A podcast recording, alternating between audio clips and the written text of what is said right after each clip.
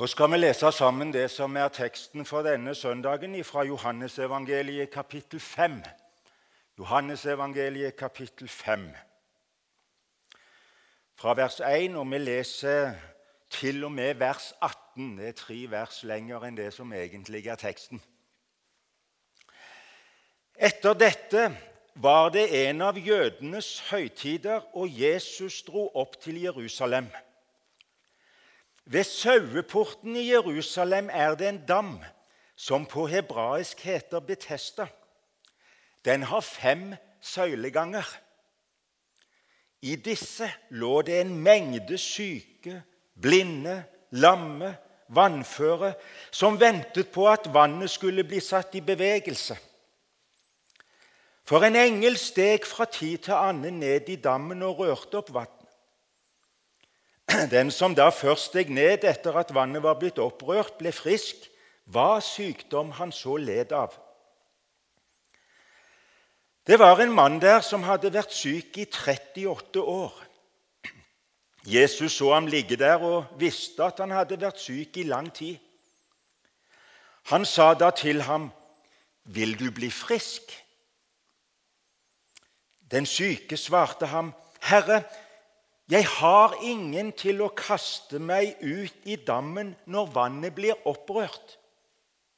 Og i det samme jeg kommer, stiger en annen ned før meg. Da sier Jesus til ham, Stå opp, ta sengen din og gå. Og Straks ble mannen frisk, og han tok sengen sin og gikk. Men det var sabbat den dagen. Jødene sa da til ham som var blitt helbredet, 'Det er sabbat, og du har ikke lov til å bære sengen.' Men han svarte dem, 'Han som gjorde meg frisk, sa til meg:" 'Ta sengen din og gå.' De spurte ham, 'Hvem er den mannen som sa til deg:" 'Ta den og gå'? Men han som var blitt helbredet, visste ikke hvem det var. For Jesus hadde trukket seg tilbake da det var mye folk til stede. Senere fant Jesus mannen i tempelet og sa til ham, 'Se, du er blitt frisk. Synd ikke mer, for at ikke noe verre skal hende deg.' Mannen gikk bort, og han fortalte til jødene at det var Jesus som hadde gjort ham frisk. Og derfor forfulgte jødene Jesus fordi han gjorde dette på en sabbat. Men Jesus sa til dem, 'Min far arbeider inntil nå. Også jeg arbeider.' Derfor sto da jødene ham enda mer etter livet, fordi han ikke bare brøt sabbaten, men også kalte Gud sin egen far og gjorde seg selv lik Gud. Amen.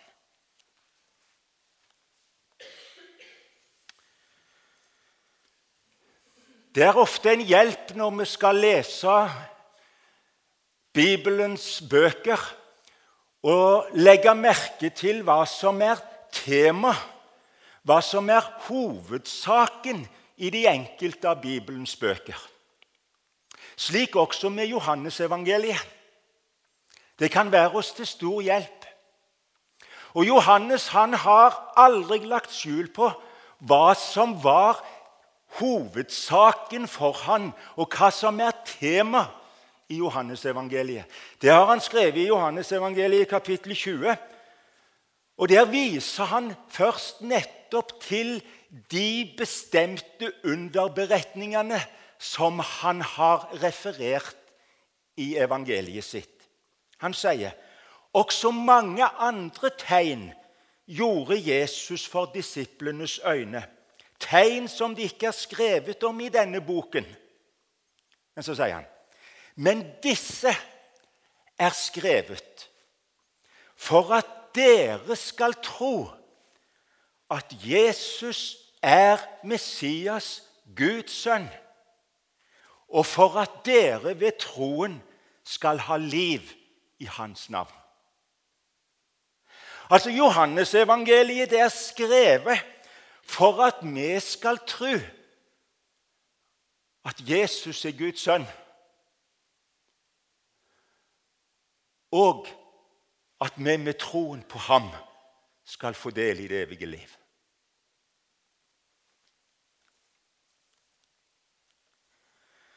Og Når vi kommer til kapittel 5, som teksten vår begynner med i dag, så innledes der en ny skal vi si, hovedseksjon i Johannesevangeliet.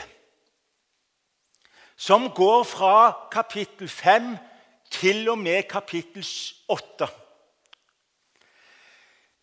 Den viser, Det avsnittet viser hvordan motstanden mot Jesus eskalerer, øker og tiltar og utvikler seg til å bli en helt bestemt plan om å drepe Jesus, noe de også lyktes med.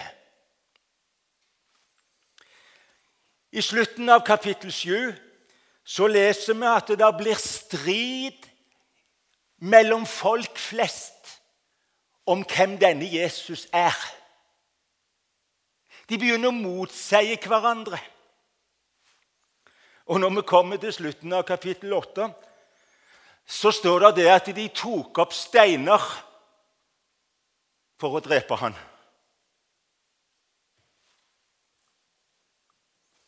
Og denne her tiltagende motstanden mot Jesus den blir altså trigga av denne hendelsen som er teksten vår i dag. Det var den som på en måte iverksatte denne økende hat og forakt mot Jesus. Det var denne Jesu velgjerning mot denne lamme mannen utenfor Betesta, ved Betestadammen. Og grunnen var at Jesus gjorde dette på en sabbat.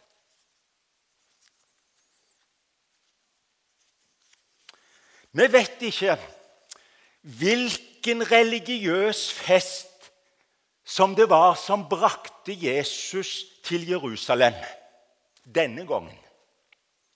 Om det var påskefesten i april, eller pinsefesten i mai-juni, eller løvhyttefesten i oktober, det står det ingenting om. I det minste ved disse tre anledningene var enhver jøde pålagt å reise til Jerusalem og delta i de høytidene. Det gjorde også Jesus. Nå står det ikke om disiplene var sammen med han denne gangen. Men det står at han kommer til Jerusalem, og han kommer til Betestadammen, hvor det var fem søyleganger, og hvor det lå en mengde syke. Og det konkretiseres nærmere deres sykdom. De var blinde, lamme og vannføre. Mye kunne vært sagt og er sagt om Betesta og denne dammen. Om hva som forårsaka det opprørte vannet. Om vannet hadde terapeutisk virkning osv.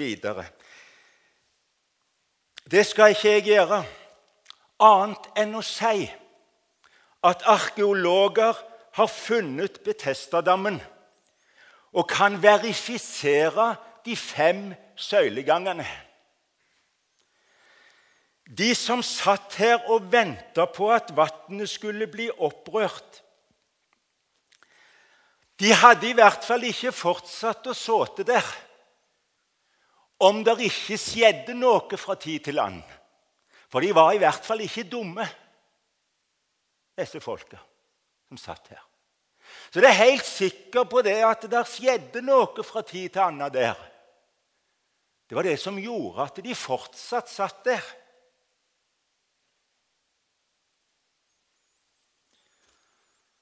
Ei fotnote.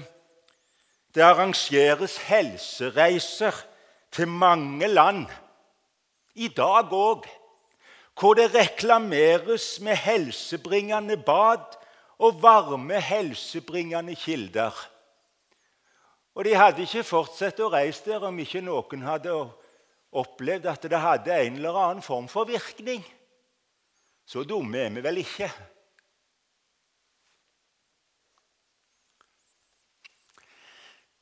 Nå skal ikke jeg si mer om Betestadammen og det, men jeg hadde lyst til å be deg legge merke til de som sitter der denne dagen.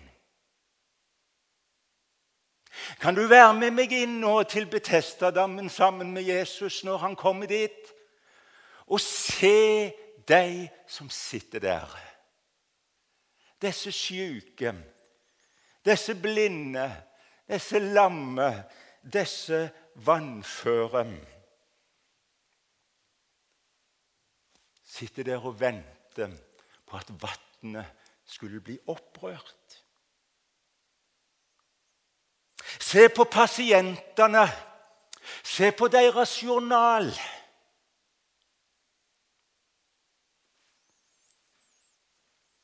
Og Da tenker jeg ikke primært på deres fysiske sykdommer og smertene det har påført dem. Men se, se hvordan disse i denne beretningen står som en perfekt illustrasjon på menneskeslektens åndelige tilstand. Her sitter de og venter på at det store forandringen i livet skal skje. Her sitter de og venter på at det store under i deres liv, som kan forandre hele deres framtid, skal skje. Ikke sant? Betestadammens lov. Hver mann og kvinne for den del har nok med seg sjøl. Det er Betestadammens lov. Det gjelder å komme først.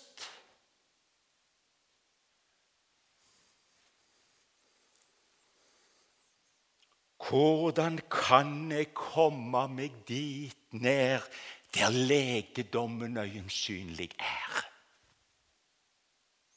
Enhver sin egen lykkes smed, er det et ordtak som sier. Og denne scenen syns jeg viser verdens desperate åndelige nød.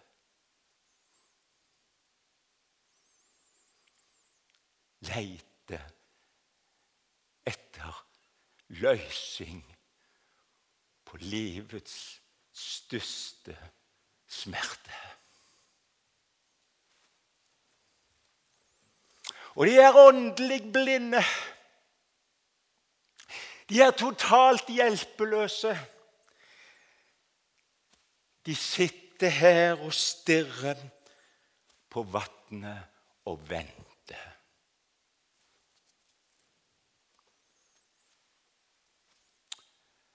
Helt ute av stand, mange av dem, til å kunne hjelpe seg sjøl. Vis oss et tegn Vis oss et under. Vis noen mirakler. Så skal vi tro. Har du hørt det? Har du tenkt sånn? Gud, du må vise deg guddommelig, så skal vi tro.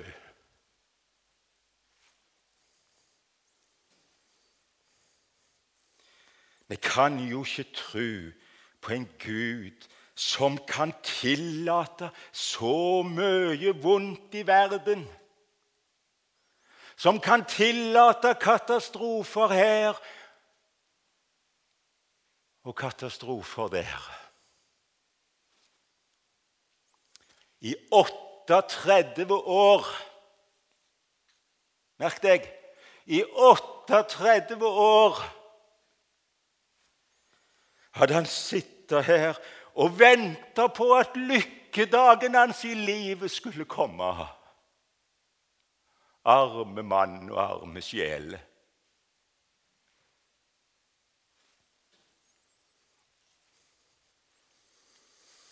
I et helt liv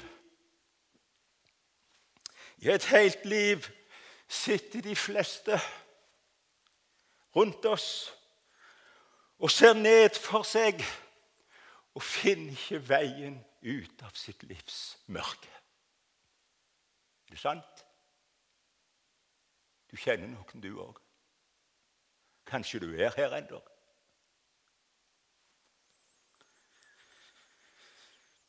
Diagnosen er klar. Samvittighetsnag og smerte i sjelens innerste dyp som de ikke greier å bli kvitt. Samvittigheten er en vart instrument som Gud har lagt ned i oss. Et urolig og angstfullt hjerte for Gud og en frykt for den endelige avslutning døden. Du har prøvd alt. Å, hvor de prøver. Å, hvor de leter. Å, hvor de prøver å tilfredsstille sjelens lengsel og nød. Mens journalen viser at behandlingen de prøvde, og som verden ga dem, var mislykka.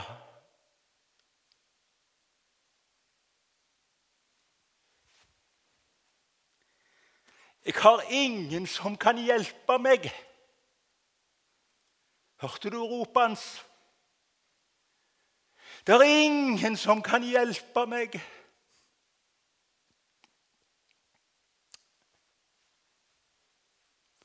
Og du er i stand til å hjelpe dem? De rundt oss som sitter ved et Betesta ute av stand til å få hjelp for sin verste smerte, samvittighetens grusom, gnagende smerte.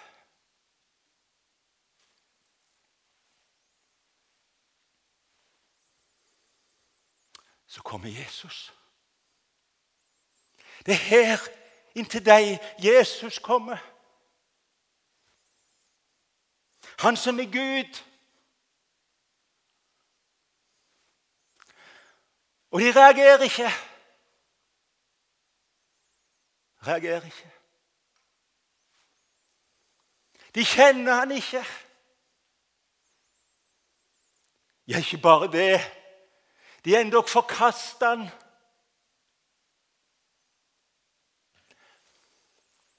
Hør hva døperen Johannes sa.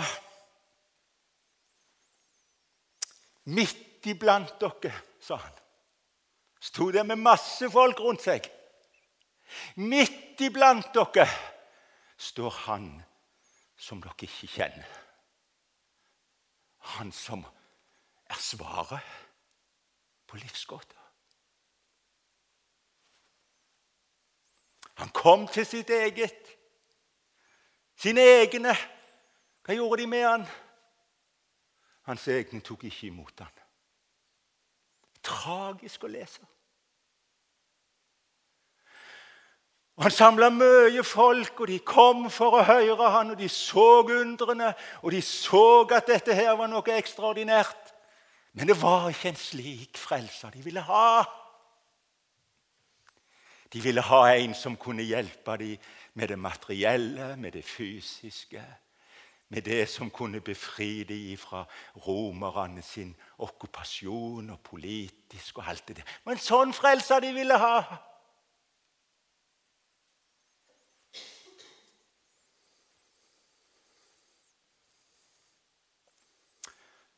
Og om du er her som i dine synder har sett deg ved, satt jeg ved Betestem. for å se om jeg ikke kan klare det en dag. Kanskje jeg en dag skal lykkes. Jeg har lyst til å si til deg det går ikke. Det går ikke. Du klarer det ikke. Og hvor mange som strever og sliter og har tunge byrder og tror de skal klare det en dag.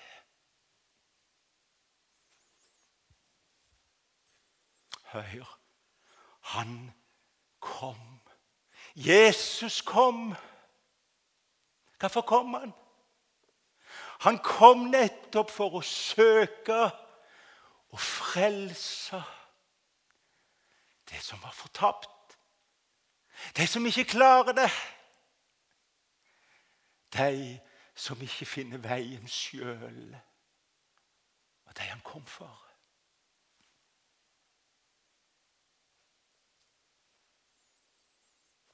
Jesus kommer. Du må ikke la han gå forbi. Du må ikke forkaste han. Vi vet ikke hvorfor Jesus akkurat valgte ut denne mannen. Det var jo mange der ved Betesta, ikke sant? Vi vet ikke hvorfor han valgte akkurat denne mannen. Det har nok sin årsak i Guds nådestyp. Det skal vi ikke spekulere i.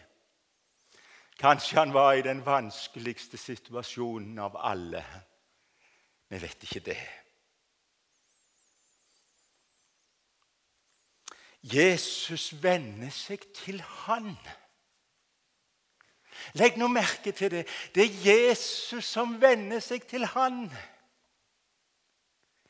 Til denne lamme, hjelpeløse mannen. For å få hans oppmerksomhet, og så spør han du, Vil du bli frisk? Det var jo et dumt spørsmål, da. Vil du bli frisk? Selvfølgelig ville han bli frisk. Det var det han ikke fikk til. Og Han svarer Jesus med å forklare Jesus det han allerede visste. Jeg kommer alltid for seint.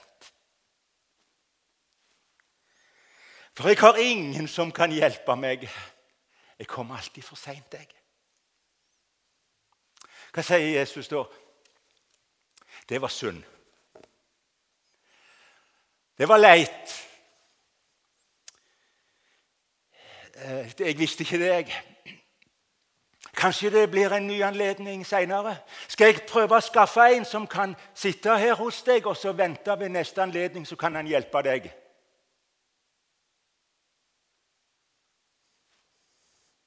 Nei, nei, nei. Jesus gjør ikke det. Hva sier han? Stå opp, ta senga di og gå.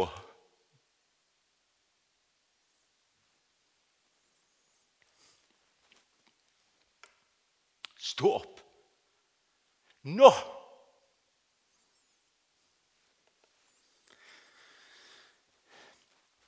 Der er noen unnskyld uttrykket, åndelige kvakksalvere som sier at hvis du bare tror nok, så kan du bli frisk. Det har du sikkert både lest og hørt. Legg merke til denne mannen trodde ikke på Jesus i det hele tatt. Han hadde ingen tro på Jesus. Han visste ikke engang hvem Jesus var. Det forteller resten av denne beretningen også om. Han kjente han ikke. Han ropte ikke engang til Jesus at Jesus måtte vise medynk med han eller hjelpe han. Han ber ikke ei eneste bønn. Ingenting. Temmelig likegyldig, hjelpeløst. Hvis Jesus skulle vente til denne mannen hadde hatt tru nok, tror du han noen gang ville blitt frisk? Aldri.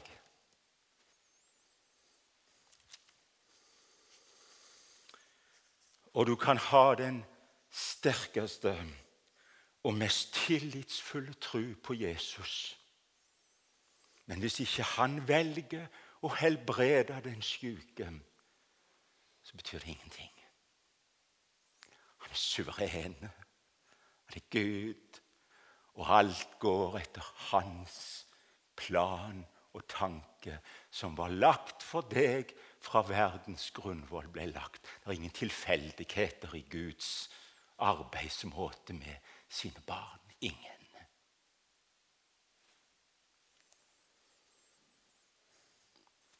Paulus ba tre ganger, han. Tre ganger ba han om å få Herren måtte ta plagen fra ham, tårnen i kjødet som plager han. Og Paulus kjenner vi litt til hans åndelige kvaliteter. Hm? Det måtte vel være ei bønn etter Guds vilje. Nei, sa Herren, min nåde er nok for deg. Min kraft fullendes i skrøpelighet merkelig måte Gud arbeider på. Men det er jo også dette en fantastisk illustrasjon på hva det er å bli frelst, hva det er å bli en kristen. Er det ikke det? Hva er ei frelsende tru for noe? Hvis Jesus hadde venta til det i synderens hjerte var en tilfredsstillende erkjennelse og tillit til Jesus, så tror jeg aldri jeg hadde blitt omvendt til Gud. Aldri. Jeg tror ikke du heller hadde blitt. For du ser det at Gud frelser uforskyldt. Av nåde. Uten at du har fortjent det. Ja, endog troen. Endog det å tro er en gave han gir deg. Endog det greier du ikke prestere engang. Så hjelpeløse er vi egentlig. Men han gir troen som en gave.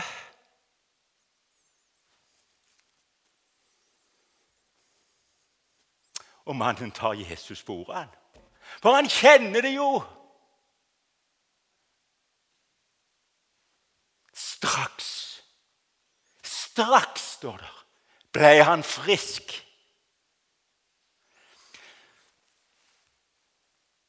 Det var noe med Jesu ord som innbød han til å handle, til å ta senga si, stå opp og til å begynne å gå. Du Hadde det vært oss, så hadde vi gjerne kunnet tenkt oss og tatt noen runder først opp og ned langs søylegangene og kjent etter om det var virksom. Holdt de virkelig disse beina? 38 år hadde han ligget Ja, jeg tror legene hadde sagt du trenger litt rekonvalesent. For å få styrke i beina igjen, trene deg opp. Hadde ikke behov for noen sendt denne karen. Han gikk med en gang. Alltid sånn når Jesus gjør noe, så gjør han det helt det umulige mulig.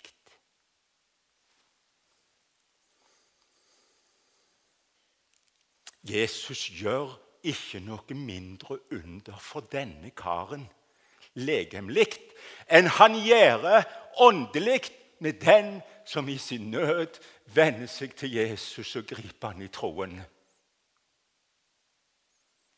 Da skjer underet momentant. En ny fødsel, sier Bibelen det innebærer. En fødsel innenifra og ut. Det er det å bli en kristen.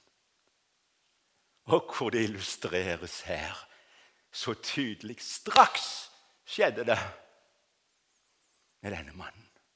Fullkomment! Han var totalt frisk.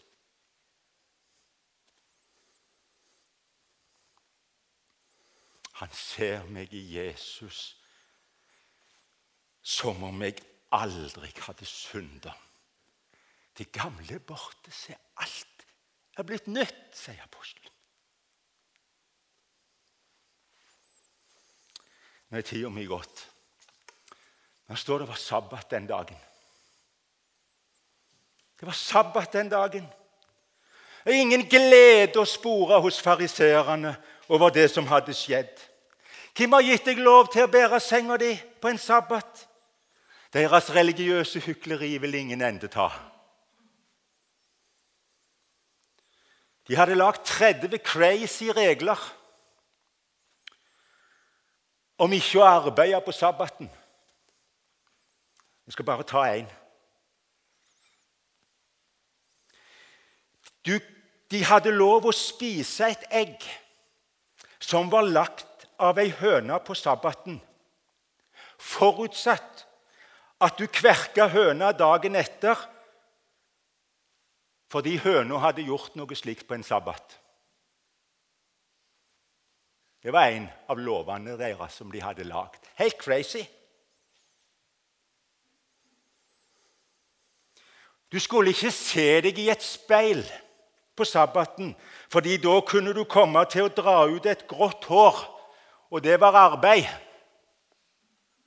Jeg vet ikke hvor mye tid dere har brukt før speil i dag. Det var deres sabbatsforordninger og mange, mange flere. Som slettes ikke var noe som sto i, var etter Guds lov og Guds ord, men som de hadde lagd seg til. Førte folket inn i en forferdelig trelldom. Og Jesus utfordrer deres menneskebud ved å gjøre det akkurat på sabbaten. Han kunne jo vente det dagen etterpå. Ja visst kunne han det. Men hvorfor gjorde han det? Nettopp for å utfordre deres hykleriske atferd og deres vrangforestillinger om Guds lov og Guds bud. Han avslører deres synd.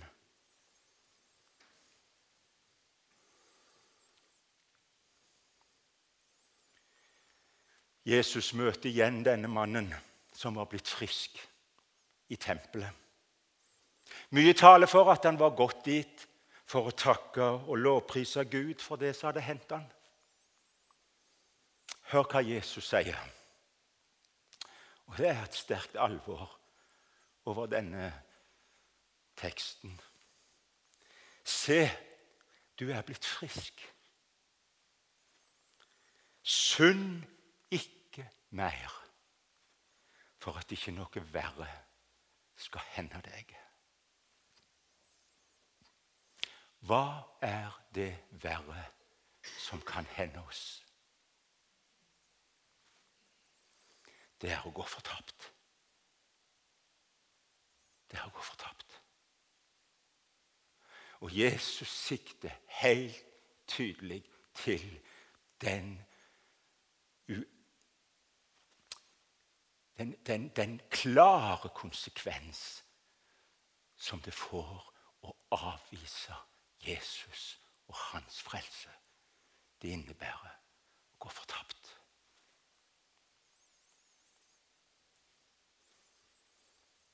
Hva hjelper det å bli legemlig frisk, sier han til denne mannen, om du taper sjela di? Den store sjelelegen, den Herre Jesus Kristus, han kommer til oss nå. Han kjenner din sjels journal. Du har sittet lenge nok ved ditt Betesta og strevd lenge nok for å makte å bli kvitt syndesmertene. Hør vers 24 i samme kapittel. Sannelig, sannelig, sier jeg deg, den som hører mitt ord og tror på Han som har sendt meg, han har evig liv. Hva med den? Han kommer ikke til dom, men er gått over fra døden til livet. Amen.